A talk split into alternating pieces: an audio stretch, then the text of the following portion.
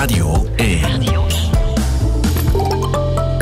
Weet ik veel met Sven Spijbroek. Goedemorgen, welkom. Uh, Erik Krinkhout zit bij mij in de studio. We gaan het vandaag over kunst hebben, over Magritte. En als we het over uh, Magritte hebben, dan moeten we natuurlijk Paul Simon draaien. Renee and George and Magritte with their dog after the war Return to their hotel suite and they unlock the door Easily losing their evening clothes. They dance by the light of the moon. To the penguins the moon glows The Oreos, the five satins The deep forbidden music they've been longing for. Renee and Georgette Magritte with their dog after the war. Renee and Georgette Magritte with their dog after the war. Were strolling down Christopher Street when they stopped in a men's store. With all of the mannequins dressed in the style that brought tears to their immigrant eyes. Just like the penguins, the moon glows, the Oreos, the five satins, the easy stream of laughter flowing through the air. Renee and George and Magritte with their dog guerre. Side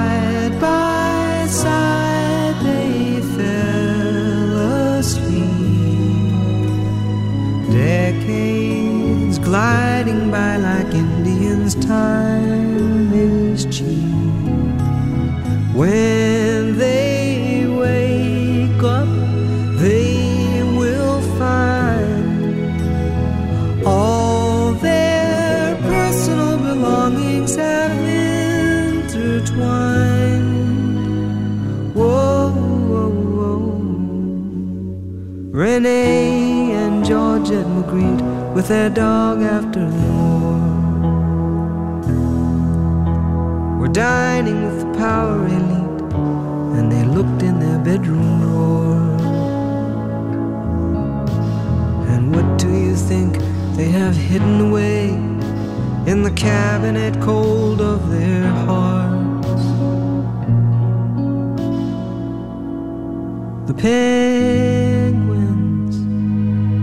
the moon glows, the Oreos, five satins.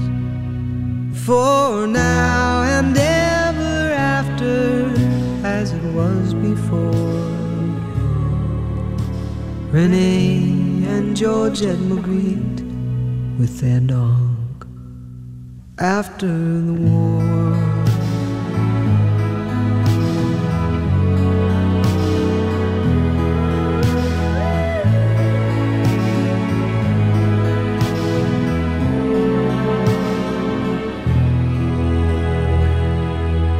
Renee en Georgette Magritte with their dog after the war. Prachtig nummer van Paul Simon is dat. Ik, uh, ja, ik vraag me al heel mijn leven af, hoe heet die hond eigenlijk van René Magritte? En omdat jij nu, Erik Rinkhout, bij ons te gast bent vandaag, heb ik het dan toch maar eens opgezocht. Ik heb er net bij Evert er even over verteld. Um, hij heeft een, ja, het is een foto die zo heet. Er zijn twee foto's van Magritte, hè? Mm -hmm, ja. als ik het goed heb, waar, waar onder staat René en Georgette Magritte ja. with their dog. Mm -hmm. Um, hij heeft een schilderij gemaakt ook. Ja, hij hield van honden natuurlijk. Hè, maar voor alle duidelijkheid, het gaat niet om één hond natuurlijk. Hè. Een hond heeft een bepaalde levensduur. En Georgette en René hielden heel erg van een bepaald soort hond. Het, het schipperke heb ik mij laten vertellen, maar ik weet ook niet zoveel van honden. Zo, maar ze moeten er dus... Ja, het is een klein... Niet groot, niet groot, soms wit, soms zwart. Ja. Dus ik vermoed, als je een beetje nadenkt, vermoedelijk hebben ze er drie of vier tijdens hun leven gehad. Dus ah ja, we moeten op zoek naar drie of vier Ja, namen. ja. Mm. Ik, denk, ik denk dat er twee namen in relatie waren. Ah, Ja, ik heb er één gevonden. Dus, dus je hebt de, de, de hond op de foto, die is een beetje zwart. En de hond op het schilderij, Le Civilisateur heet het schilderij, die is, Ja, helemaal wit. Die is wit.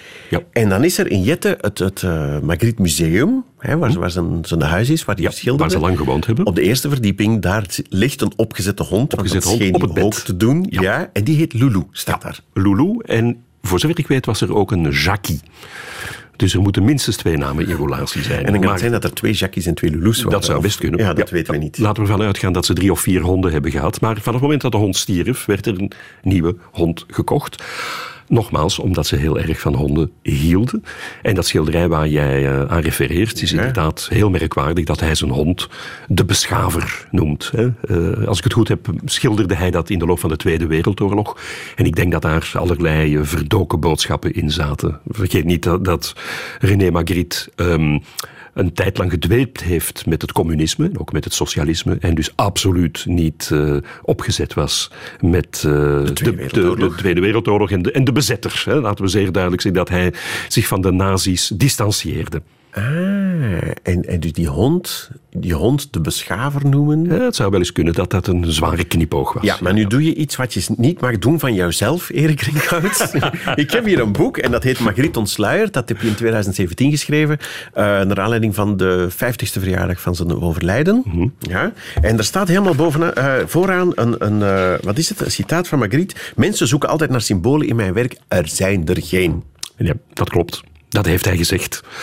Maar, maar moeten we hem op zijn woord geloven natuurlijk? Dat is weer wat anders. Ah, dus je denkt, je denkt dat hij wel dingen bedoelde met al die Ja. surrealistische schilderijen, maar hij heeft het altijd vertikt. Hij heeft het vertikt om daar veel uitleg over te geven, dat klopt. Hij heeft niet zo vaak dingen verteld eh, over de, zeker niet over de symboliek in zijn werk. Ehm, maar ik denk dat daar ook een, een, een hele strategie, een hele filosofie achter zat. Neem nu de appel. Ja. De appel heeft in onze cultuur, onze beschaving, een ongelooflijke symbolische lading. Denk alleen al aan Adam en Eva. Ah, voilà. Ja. ja. Dus de appel is, is de start van de zondeval, toch eh, Ja, in de voor de het goddeloze honden die nu zitten te luisteren, zoek het even op. Het boek heet De Bijbel. Je vindt het in de betere boekhandel.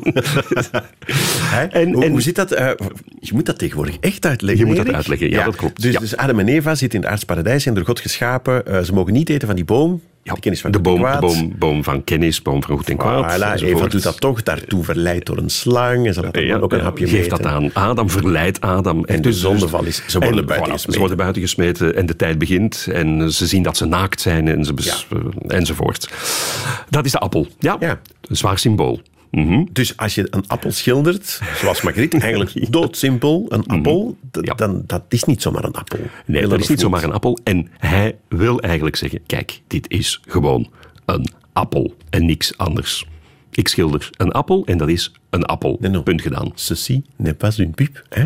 Dat idee, deze appel is niet zomaar een appel. is niet zomaar een appel. Nee, dus het is heel dubbelzinnig allemaal natuurlijk. Maar als hij... Kijk, die appel die heeft hij vaak geschilderd ook voor gezichten van mensen. Zeker naar het einde toe van, eh, van zijn carrière. En die appel wordt dus gebruikt om een gezicht te verbergen. Hè? En dat verborgen gezicht, dat is ook iets wat heel vaak in, in zijn werk voorkomt. Maar we hadden, het, we hadden het over die appel. Ja. Ehm, er is een heel mooi schilderij, ook op het eind van zijn leven, waar hij het laatste avondmaal opnieuw schildert. Hij eh, bezoekt Milaan, hij ziet daar het beroemde werk van Leonardo da Vinci. Ja, de godloze honden. Christus die vlak voor hij gekruisigd wordt, eh, met ja, zijn ja. vrienden apostelen nog een hapje eet. Ja. En wat, wat, wat doet Magritte? Hij schildert een tafel waar niemand rond zit. Hij zet daar een fles wijn op, Mhm. een stokbrood en een schaal met appeltjes.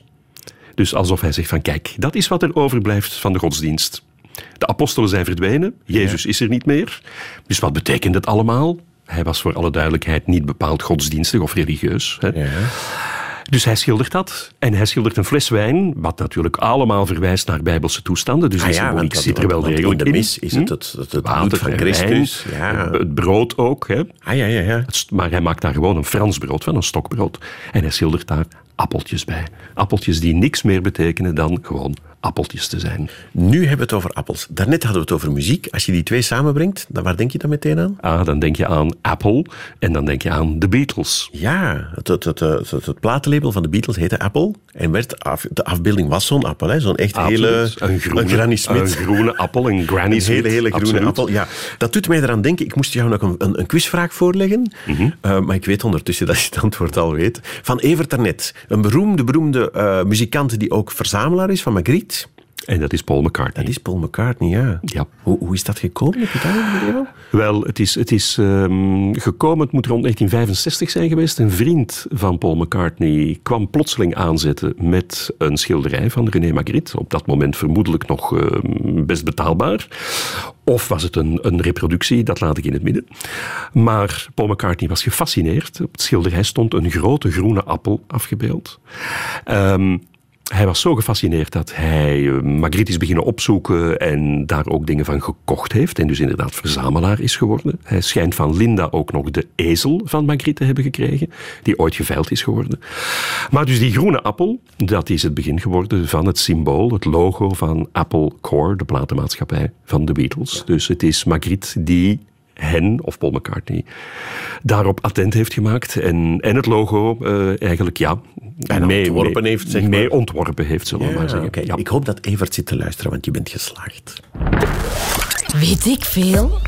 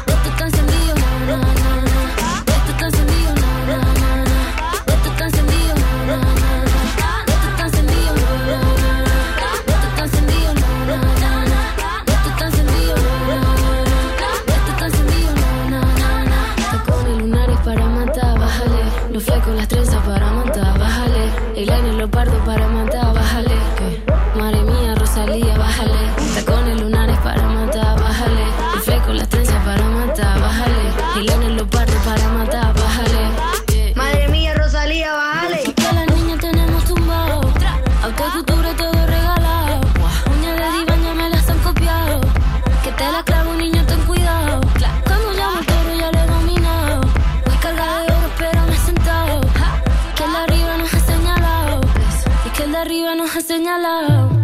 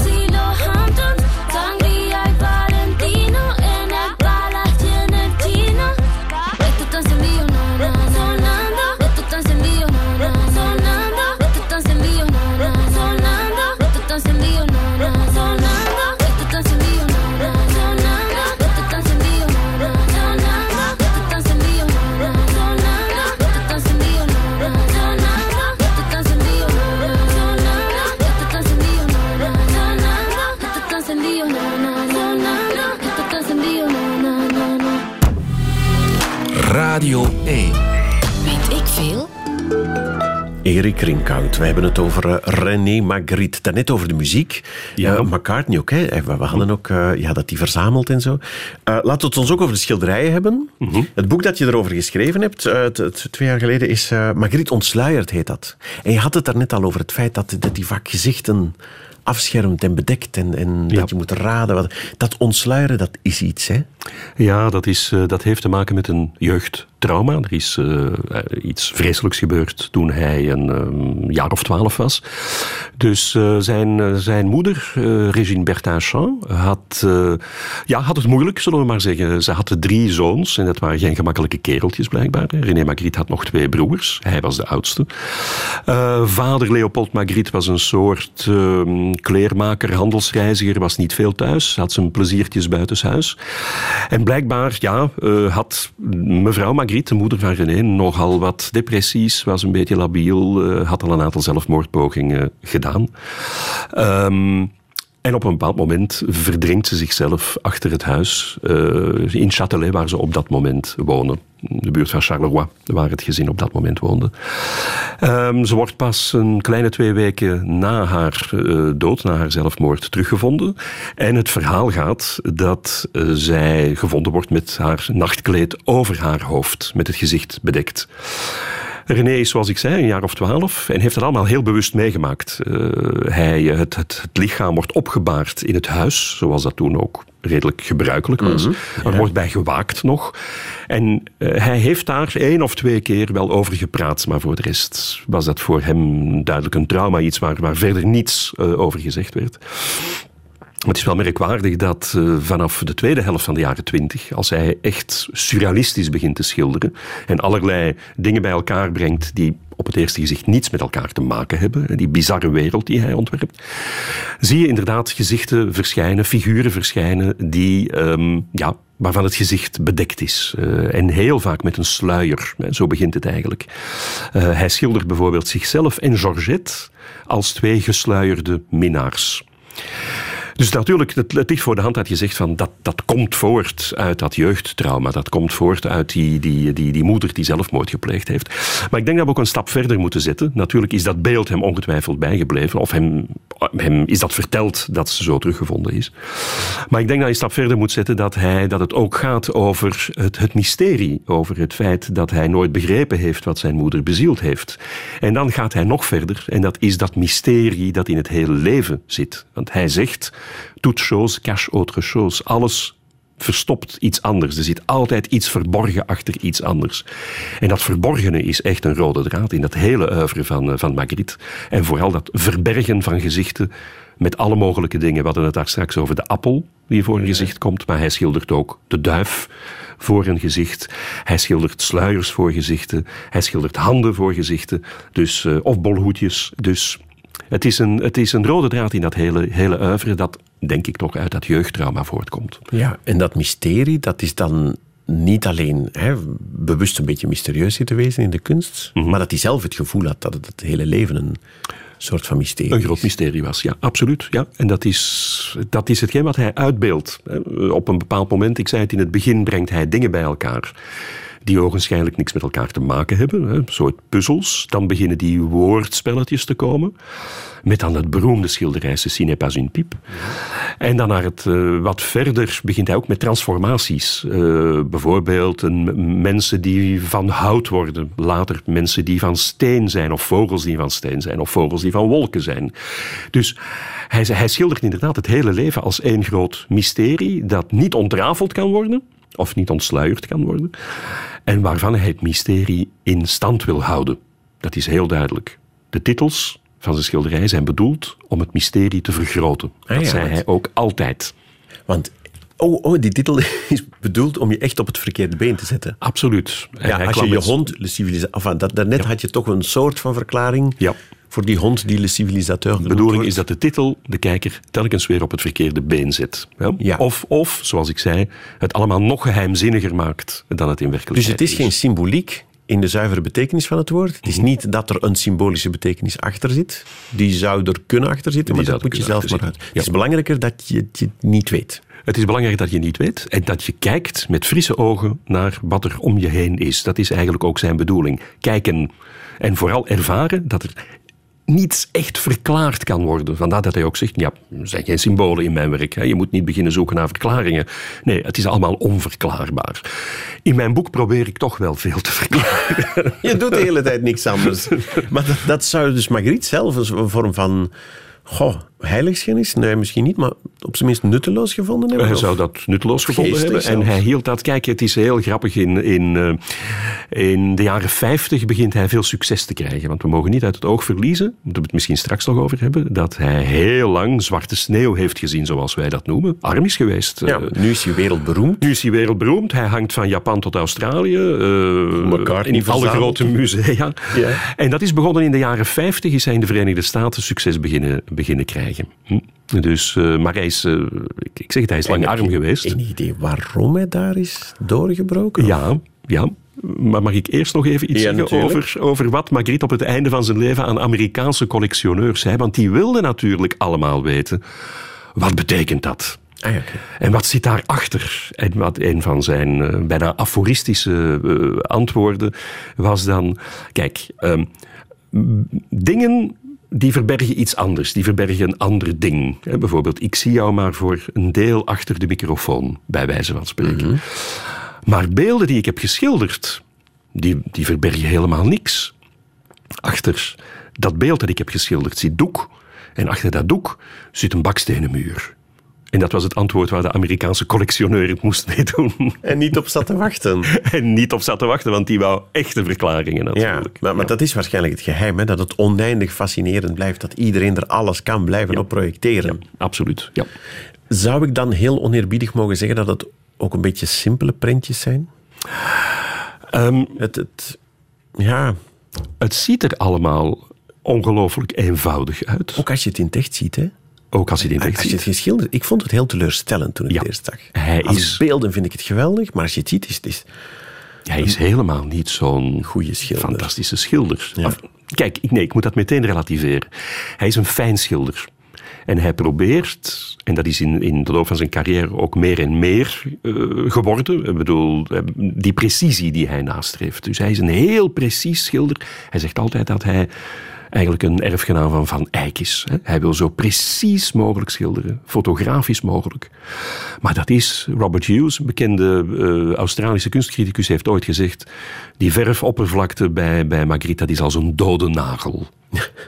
Dus dat Ja. zegt wel iets over... Ja, dat is waar. Dus- het is grappig dat je, dat je Van Eyck zegt, want ik wou het precies als, als voorbeeld nemen. Als je naar het Lam Gods gaat kijken, dan gebeurt er iets. Als je dat echt ziet, dat is iets helemaal anders dan als je het op een reproductie Mhm. Ja, ziet. maar bij Magritte is niet. het tegenovergestelde. tegenovergestelde. Het is, echt teleurstellend. Hij is een beeldenmaker. Ja. Hij is een ongelofelijke beeldenmaker. Hij pakt heel goed op affiche, op foto.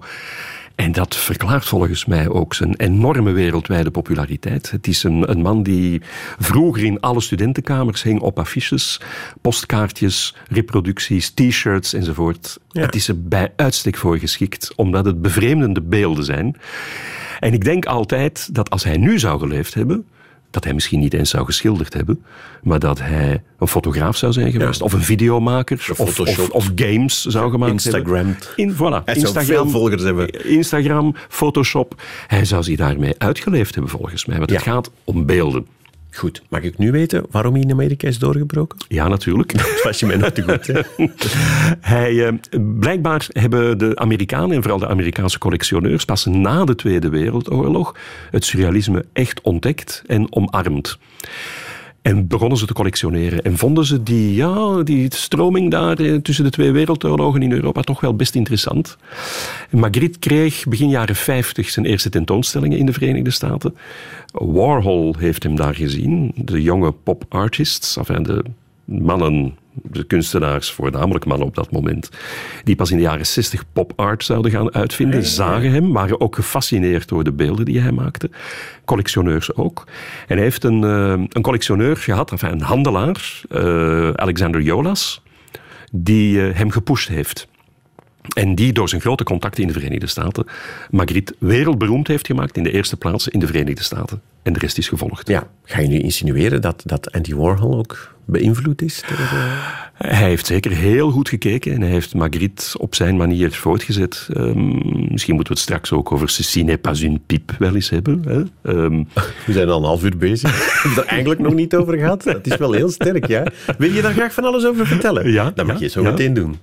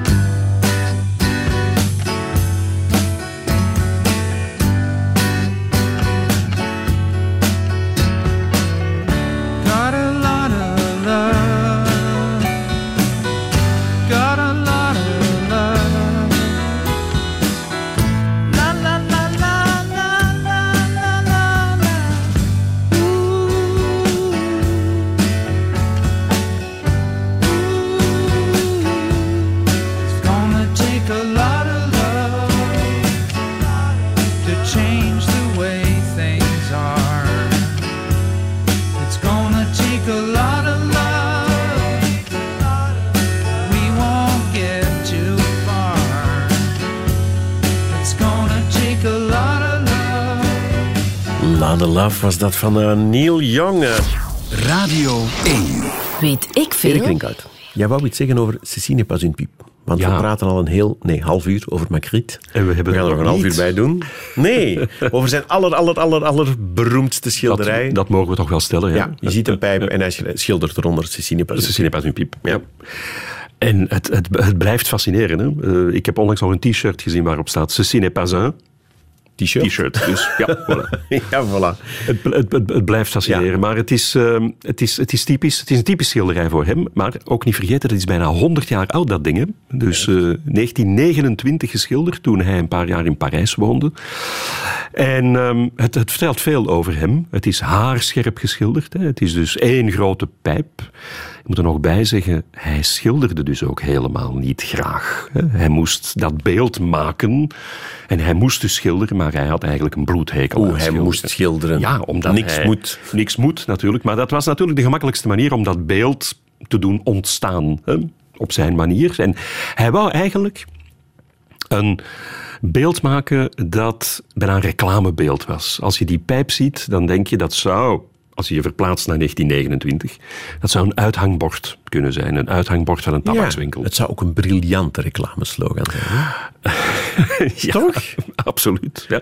En wordt nog altijd geïmiteerd, hè, zoals ik zei. Het, blijft, het blijft Je fascinerend. Het wou blijft- dat je hem zelf bedacht Het had. blijft reclamemensen ook fascineren. Eh, en wat, wat doet hij daar? Ehm, hij is in Parijs duidelijk onder eh, de, de indruk gekomen van de, de dadaïsten die daar zitten, de, de, de, de post-anarchisten ook, zullen we maar zeggen. Hij heeft Dali ontmoet intussen in Parijs. Ja, dadaïsten maakten rare kunst. Rare kunst, ja, kunst die, zot. eh, ja, zotte kunst, Ja. eh, chaotische kunst ook. Dat vind je bij hem niet meteen terug, maar het idee erachter komt daar wel vandaan. Hij tekent een pijp, hij schildert een pijp, zo exact mogelijk. En hij schrijft daaronder in mooi schoon schrift, schoolschrift, ceci n'est pas une pipe. Dus hij zegt natuurlijk, dat is de hele idee die erachter zit, nee, dit is geen pijp. Want hij heeft zelf ook gezegd, neemt u deze pijp maar en hè, probeer ze te roken. Ja, dat gaat niet. Ah nee, want het is een beeld, het is Ja. een afbeelding. Hij, hij maakt de hele illusie kapot. Hè? Hij maakt de illusie kapot, dat je een beeld van een pijp ziet, maar hij zegt het is maar zegt, een beeld. Het is maar een beeld. Het is illusie. Ook iets wat doorheen de hele schilderkunst, het hele oeuvre, een heel belangrijke rol speelt. hè. Illusies die hij creëert. Schilderkunst is illusie. Het is geen raam waar we doorheen kijken naar de werkelijkheid. Nee, het is geschilderd. Het is, het is, het is nep. hè. Maar het lijkt echt. Dus dat speelt mee. Maar wat ook meespeelt, en dan kom ik een beetje bij die dadaïsten. Ceci n'est pas une pipe. Je zou verwachten dat onder een pijp staat ceci est une pipe. Want Ja. zo leren we taal op school, leren we woorden op school. Ah ja, Hè? Aap, aapnootmies misschien, hè? Of, of eh, Jan en Mie, of eh, precies. Paard, tafel, paard, stoel. paard, tafelstoel. Ja, dit, is, met... dit is een tafel, dit is een stoel. En wat zegt hij? Dit is geen stoel. Hè? Nee. Dus Was dat origineel op dat moment? Want, want vaak in de schilderkunst word je beroemd als je iets als eerste doet. Hè? Ik denk dat het redelijk origineel was, ja. Hij heeft het wel, heeft het wel gestolen van een aantal filosofen en dus een aantal dadaïsten, ja, die er al mee bezig waren, die met die ideeën bezig waren. Maar ik denk dat niemand het zo kernachtig gepresenteerd en verwoord heeft als hij. En dat maakt ook de kracht uit van dat werk. Ja. En we hadden het daarnet over reclame, dat wil ik toch ook nog wel even zeggen. Eh, Hij was arm, zei ik. Hij heeft voor de Tweede Wereldoorlog, zeker voor de jaren 50, niet zo heel veel verkocht. Ze woonden ook heel klein in Brussel, in de Essegemstraat, Ja. in Jette, waar je het museum nog kunt gaan bezoeken. Waar je de opgezette hond nu kan Waar je de opgezette Ja, hond Maar dat is een heel klein rijhuisje. Ja, zij woonden, zij woonden zelfs alleen maar op het gelijkvloers, voor Oh. alle duidelijkheid. Dus heel, een paar kamertjes en een keuken. Hij schilderde in de keuken, trouwens. En in de tuin van dat huis was een soort kaban, eh, een soort hut, waar hij reclame schilderde. Want hij was eigenlijk van opleiding en lang van beroep reclameschilder. Hij heeft behangpapier ook ont- ontworpen. Dat, heeft, dat was zijn eerste job. En hij is dan in de jaren 20 en 30 is hij reclame blijven maken, blijven schilderen, blijven ontwerpen. Samen met zijn goede broer, de jongste, Paul, die altijd zijn favoriete broer is geweest. En die samen met hen eigenlijk een reclamebusiness op had Ja, gezet. En dat deed hij voor de kost. En dat deed hij voor de kost. En dat, dat schilderen, was dat dan in zijn vrije tijd? Dat Of- was in zijn vrije tijd en hij deed dat in zijn keuken trouwens. En als Georgette zei, het eten is klaar, dan moest alles in de kast. Want hij had eigenlijk geen atelier, het moest in de keuken. En dan kwam de Brusselse kliek, zijn goede Brusselse vrienden, die eh, dan kwamen kijken naar zijn nieuwste schilderijen die hij in de keuken geschilderd had. Hij zette die dan op de ezel. En weet je wat ze dan deden? Ze verzonnen een titel. Ze kwamen samen om de zotste titel te Ah verzinnen ja, precies. Om de, de kopers en de collectioneurs... dus op het verkeerde been te zetten. Precies. Maar er waren toen nog niet heel veel kopers. Want zoals Ja. ik zei, hij verkocht niets, niet zo goed. Hij moest het vooral van de reclame Hij moest het van de reclame Goh, ik hebben. probeer dat toch te begrijpen, wat er in dat hoofd van die Margriet moet zijn omgegaan. Je hebt zo het beeld van een, een burgermannetje. Hè, je ziet hem ook altijd netjes in, in, in driedelig pak. Klopt. Die dus braaf in zijn rijhuisje in Jette in de keuken schildert. Mhm. Sven, dat dat is niet zelfs- het beeld van de bevlogen... Dat is geen Picasso, hè? Zo'n bevlogen absoluut kunstenaar niet. die een en al geen- rock'n'roll erop Dus je losleeft. kunt je, je kunt je voorstellen dat hij heeft drie jaar in Parijs gewoond. Trouwens niet eens in het centrum, maar aan de periferie. Omdat ze, zoals ik zei, weinig geld hadden. Maar het zegt ook iets over zijn verhouding tot de Franse surrealisten. Want op dat moment had het surrealisme in Frankrijk vaste voet aan de grond. Breton, Dali woonde er ook enzovoort. Ja, dat zijn allemaal flamboyante figuren. flamboyante figuren en hij voelde zich daar helemaal niet in thuis. Hij was geen Dali, hij wilde niet het, het supreme genie zijn of zoiets. Hij wilde zich ook helemaal niet zo gedragen. Hij was inderdaad dat burgermannetje naar buiten toe. Naar buiten. Hij, hij, net zoals zijn vader, hè, keurig, strak in het pak, driedelig, met bolhoedje later, zodanig dat hij niet opviel. Maar onderhuids woelde er toch wel van alles, ja. Als je kijkt naar de filmpjes die hij maakte, zeker later, naar de scabreuze moppen die ze uithaalde. filmpjes die hij maakte? Ja, hij heeft filmpjes, filmpjes gemaakt. van, eh? Er zijn filmpjes van René Magritte. Oké. Ja. In de jaren 50 kon hij een camera kopen. Ja. En met die zotte klik, die vriendenklik van Brussel, ehm, ja, ensceneerden ze allerlei dingen. En dat, was, dat waren dingen met seksuele toespelingen. Hij probeerde ook van alles uit met film.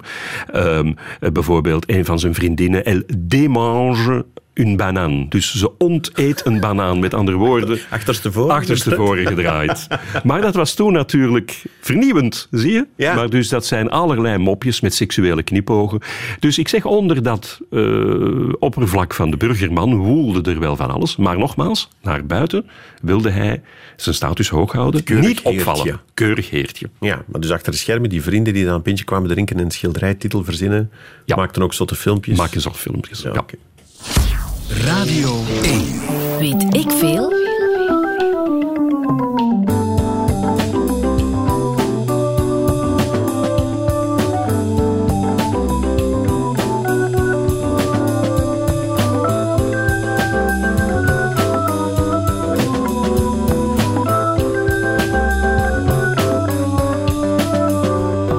Hier is nog een ziet er zit nog wel wat in. En ze liep naar het diep water en smeet er een ring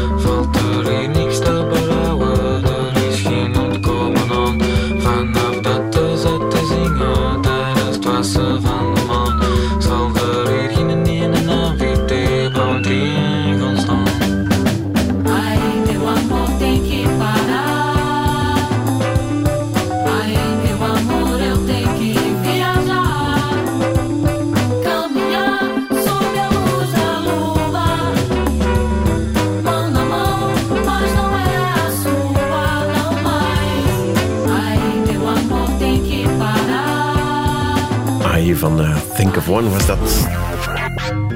Weet ik veel? Ik was net aan het denken, Erik Rinkhout, toen je vertelde dat Magritte ooit voor de kost eh, eh, reclameschilder is geweest, maar ook behangpapier heeft ontworpen. Dus iemand heeft misschien ergens ooit nog in het huis van de Bomma behangpapier van Magritte hangen. Dat zou kunnen, ja. Maar dat was een, een groot bedrijf waarvoor hij, eh, waarvoor hij werkte. Maar in het museum in Brussel, want je weet, er zijn twee Magritte-musea. Er is het, het kleine Magritte-museum Ja, waar we huisje net over hadden. Het huisje in Jette dat je kunt bezoeken met gidsen enzovoort. Ja. En waar alles zo authentiek mogelijk gehouden is, zodanig dat die sfeer van Magritte daar nog hangt. En je kan naar die keuken gaan kijken Je waar hij heeft kunt naar die keuken gaan kijken, maar je mag er niet in. Ik begrijp dat ook Een wel. Je koord aan de deur. Ja, ongetwijfeld. is- Zo gaat dat dan. een, een tochthond. Ja.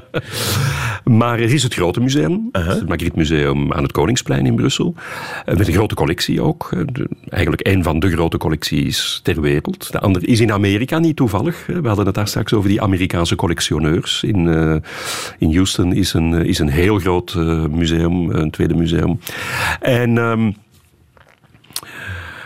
Je ging, ja, ik ging... denk ik zeggen, Ja. dat de hemelvogel daar hangt. De hemelvogel hangt daar niet. Nee, ik had Ah, het nee. over het behangpapier. Het Ah, behangpapier dat in de collecties zit van het grote Magritte Museum. Dat kan je het wel gaan zien. In Brussel. Ah. Dus ze hebben, daar, ze hebben daar nog staaltjes. Ja.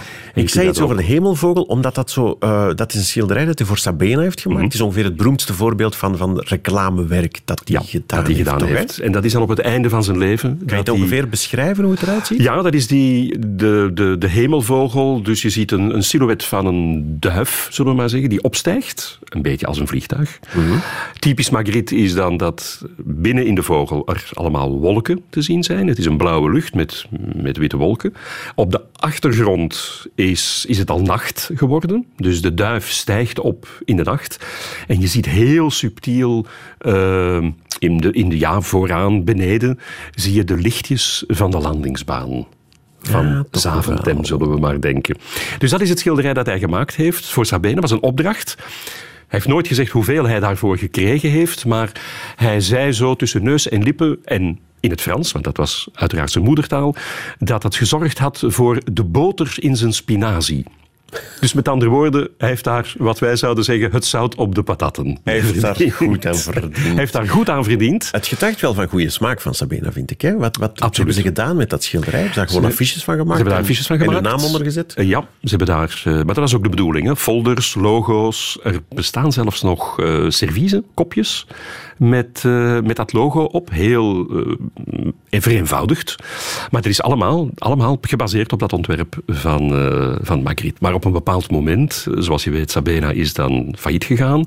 Het werk is, is verkocht geweest, is geveild geweest. Ja, het nu bij maar het siert, het siert Brussels Airlines dat er nog altijd een Magritte-vliegtuig, of er opnieuw een Magritte-vliegtuig rondvliegt. Ze hebben een Rode Duivelsvliegtuig en een Kuifje-vliegtuig. Maar er is ook een vliegtuig met de duif. Ah, en met. Magritte die aan het schilderen is, in zijn tuin trouwens, ehm, aan, een, aan een werk. Eh, dus je ziet dat op de romp van eh, het Magritte-vliegtuig staan van, van Brussels Airlines. Dus Magritte vliegt ook nog altijd rond. Hij vliegt nog altijd rond. Ja, je, je komt hem echt niet alleen op vliegtuigen van Sabena, maar echt overal tegen. Hè? En dat bedoelt niet gewoon de reproducties en de postkaarten en signalen, maar, maar, maar alles en iedereen, overal. Ja, hij blijft, hij blijft het op. ongelooflijk populair. En het, het verbaast mij ook dat hij zo populair blijft. Hij is, eh, in de jaren 60 is er een grote populariteit geweest. Eh, We spraken daar straks over de Beatles en McCartney die hem ontdekte. En het logo van de Beatles dat erop geïnspireerd is. Maar er zijn bijvoorbeeld nogal wat platenhoezen ook van Paul McCartney en Wings. Eh, be- Mull of Kintyre, wat nu niet meteen een van de beste nummers van Wings is, maar goed. Wacht, ik zoek het op. Het is, het is met veel doedelzakmuziek en zo. Ja, ja. Maar het, het hoesje van de, van de single is pure Magritte. Je ziet McCartney en Linda in het derde groepslid. Ze staan voor een, een, een, een Schots landschap. Ja. Maar zij staan gedrieën in een soort eh, schilderij dat een voortzetting is van, Van dat Schots landschap. landschap. hè. Een schilderij op ezel in het landschap waarop zij staan. En dat hele idee van een landschap dat voortloopt in een schilderij... Ja. We weten niet wat er achter dat in een schilderij beeld is. hè. en dan- beeld in het beeld. Ja, ja, Is iets wat Magritte heel vaak geschilderd heeft. En het, je, McCartney heeft het zo geplukt uit het, eh, het oeuvre van, eh, van Magritte. Maar hij was niet de enige. En misschien is dit ook wel heel raar dat eh, de hoes van Angie van de Stones... En dat is een tors van een blote madame. Ja, Met borsten die ogen zijn en een navel die een mond is. ja. De navel? Nee. De navel, ja, het is, Het ik denk, zeg het, maar. het is eigenlijk het schaamhaar. Ja, Bij? Magritte is het het schaamhaar. Ah ja, wacht, nee, nee, bij de Stones is Bij het de een Stones navel hebben ze en, het- en is hebben ze die, die, iets- die Stoneslippen zo Ja, die, en die Stoneslippen. rond de navel zitten. Maar ja. dat is een pure kopie van een werk uit eh, eind jaren 30. En dat heet De Verkrachting, Le Viol van, eh, van Magritte. En daar zie je inderdaad ook de tors. Tors van een blote vrouw, hè, het lichaam van een blote vrouw, eh, wat tegelijkertijd het gezicht van die blote Ja, vrouw want het is gehuld in, in, in, blonde lokken. Het Blonde haar zit lokken, rond. het haar zit er rond. Het gezicht is eigenlijk De borsten zijn twee ogen. En het schaamhaar, zoals je zegt, is de mond. Dus eh, het was een heel controversieel schilderij op dat moment. Het werd getoond in Brussel, in het Paleis voor Schone Kunsten, samen met Dali. En het hing achter een gordijntje. Omdat het niet, het omdat het, voilà, je, mocht het, je mocht het pas zien als je, laten we zeggen, eh, gevormd was, volwassen genoeg was. Voor de- niet voor de gevoelige kijker. Maar Sven, dus, de populariteit loopt door tot vandaag. Ja? Want eh, bijvoorbeeld een Belgische groep, Intergalactic Lovers, heeft een hele mooie videoclip gemaakt eh, van hun nummer Between the Lines. En die videoclip die zit vol met Magritte-beelden. Hoofden die van lichamen afkomen, dubbele gezichten, gezichten die verborgen zijn. Enfin, het universum van Magritte komt in een video voorbij. Ja, maar dat is vandaag. En dat is vandaag. En meer nog, er is een, een heel recent eh, Engels, eh, Londens eh, groep, 19-jarige jongens. Black Midi heten ze. En ik ging eens kijken naar hun nieuwe video. En die begint met een zwevende rots waarop een kasteel zit. Wel, die zwevende rots in dat kasteel komt zo uit het werk van Magritte. René Magritte. En wat maken die jongens? Is dat iets dat we kunnen laten horen op de Eh, radio? Dat, dat, dat kunnen we laten horen op de radio, ja, tuurlijk. Het is een beetje zo postpunk-achtig. eh, heel gedreven, heel etherisch ook. Postpunk, oké. Ja, ja, het zal wel post-post-postpunk zijn Ja, we kunnen dat laten natuurlijk. horen, maar op een andere radio. Toch bedankt.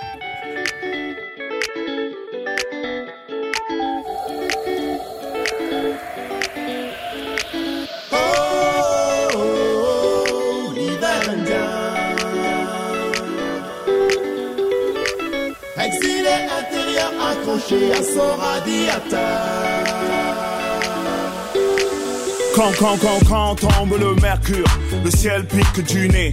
Les éclairs, ce sont des fissures. Dans un plafond goudronné, encaisser le choc thermique. Échange d'amabilité au fond de la glace. Moi c'est Emric Bouyamba, enchanté. Mon prénom catholique est un passe-droit à ma couleur. Dans les familles à salaire unique, on fait du 5 euros de l'heure.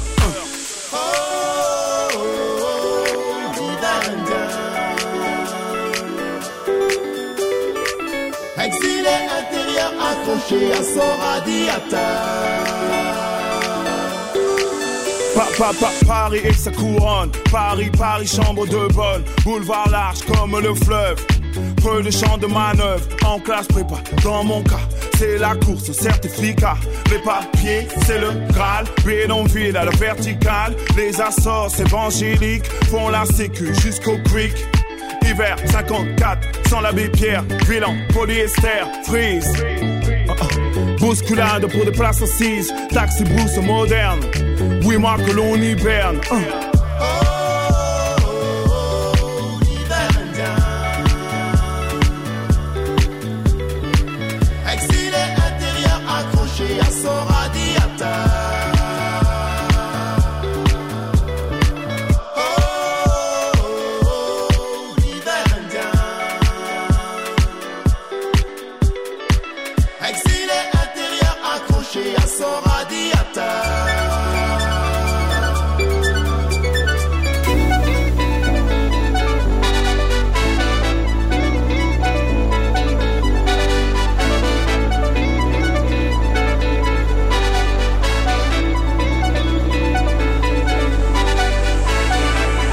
C'est la mire.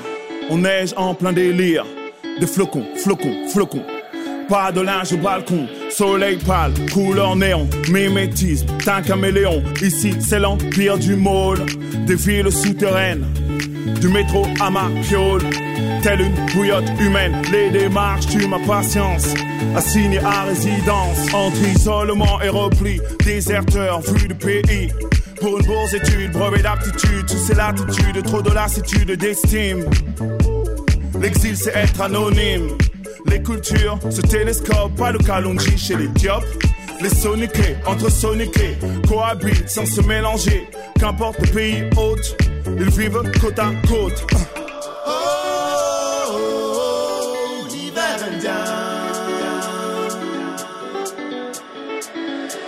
Exilé intérieur accroché à son radiateur. Lieve Randja van uh, Balogie was dat. Erik Rinkuit. We praten nu al bijna een heel uur over René Magritte en zijn schilderkunst. Ik heb een onmogelijke vraag voor jou. Het instapmodel, eh, want praten is praten, hè, maar je moet het toch gezien moet hebben. het zien, toch? Ja. uiteraard. Eh, het makkelijkste is, is Cécine pas une piep. Hè. Ja. Daar kan iedereen mee aan de slag. Dat is ook leuk met de kinderen en zo. Maar als ik nu... Het, wat is jouw favoriete Magritte? Als je er eentje moet... Hè, je hebt het boek met die, met die 50 werken ook helemaal uit elkaar. Als je er eentje moet uitkiezen. Ja, ik vind dat is, dat is een heel moeilijke vraag. Smerig, hè? Dat is een, smer, dat is Ja, een smerige sorry. vraag. Het is een smerige vraag. Ehm, ik denk dat ik ga voor een werk dat in Nederland hangt. Boymans van Beuningen, museum in Rotterdam. Mhm. Ze hebben trouwens een hele mooie collectie, Magritte en Dali ook. Maar daar, hangt, daar hangt het werk La Reproduction Interdite. Dus verboden af te beelden. Het is dikwijls moeilijk vertaald in het Enfin, Er zijn verschillende vertalingen in het Nederlands. reproductie, Eh, of, ja. Verboden reproductie. En wat is erop eruit? te zien? Het is een man die in een spiegel kijkt en die niet zijn gezicht ziet, maar zijn eigen achterhoofd. Hij kijkt dus naar, hij kijkt naar haar. Hij kijkt naar zijn eigen haar, Ja. naar zijn eigen achterhoofd. En dat is natuurlijk ook weer zo een van die typische, ja, geheimzinnige, Is dat niet moeilijk. een beetje simpel, meneer de kunstkenner? Wel, dat heb je de hele tijd met Margriet, hè? Ja, ja, het lijkt simpel, maar als je goed kijkt, dan zie je dat op de schoorsteen een boek ligt. Een boek van Edgar Allan Poe. Want hij was, Magritte was een eh, fervent lezer. Hij las heel graag detective thrillers. eh, altijd in Franse vertaling, de Amerikanen, de Engelsen. Maar dat boek, dat dus op de schoorsteenmantel ligt, wordt wel weerspiegeld. En wordt exact weerspiegeld. Ja, Escher voor beginners eigenlijk. Het is Escher voor beginners. Ja, voilà. Ja, voilà. Ja, maar het is dus, jij vindt het een heel mooi werk. Ik vind het een heel mooi werk. Ja, en je is- kan het dus gaan, gaan bekijken in eh Boymans van Boymans van Beuningen, in in Rotterdam, Rotterdam, ja. in, eh, in Nederland. Erik Rinkhout, dankjewel. Radio 1. Weet ik veel?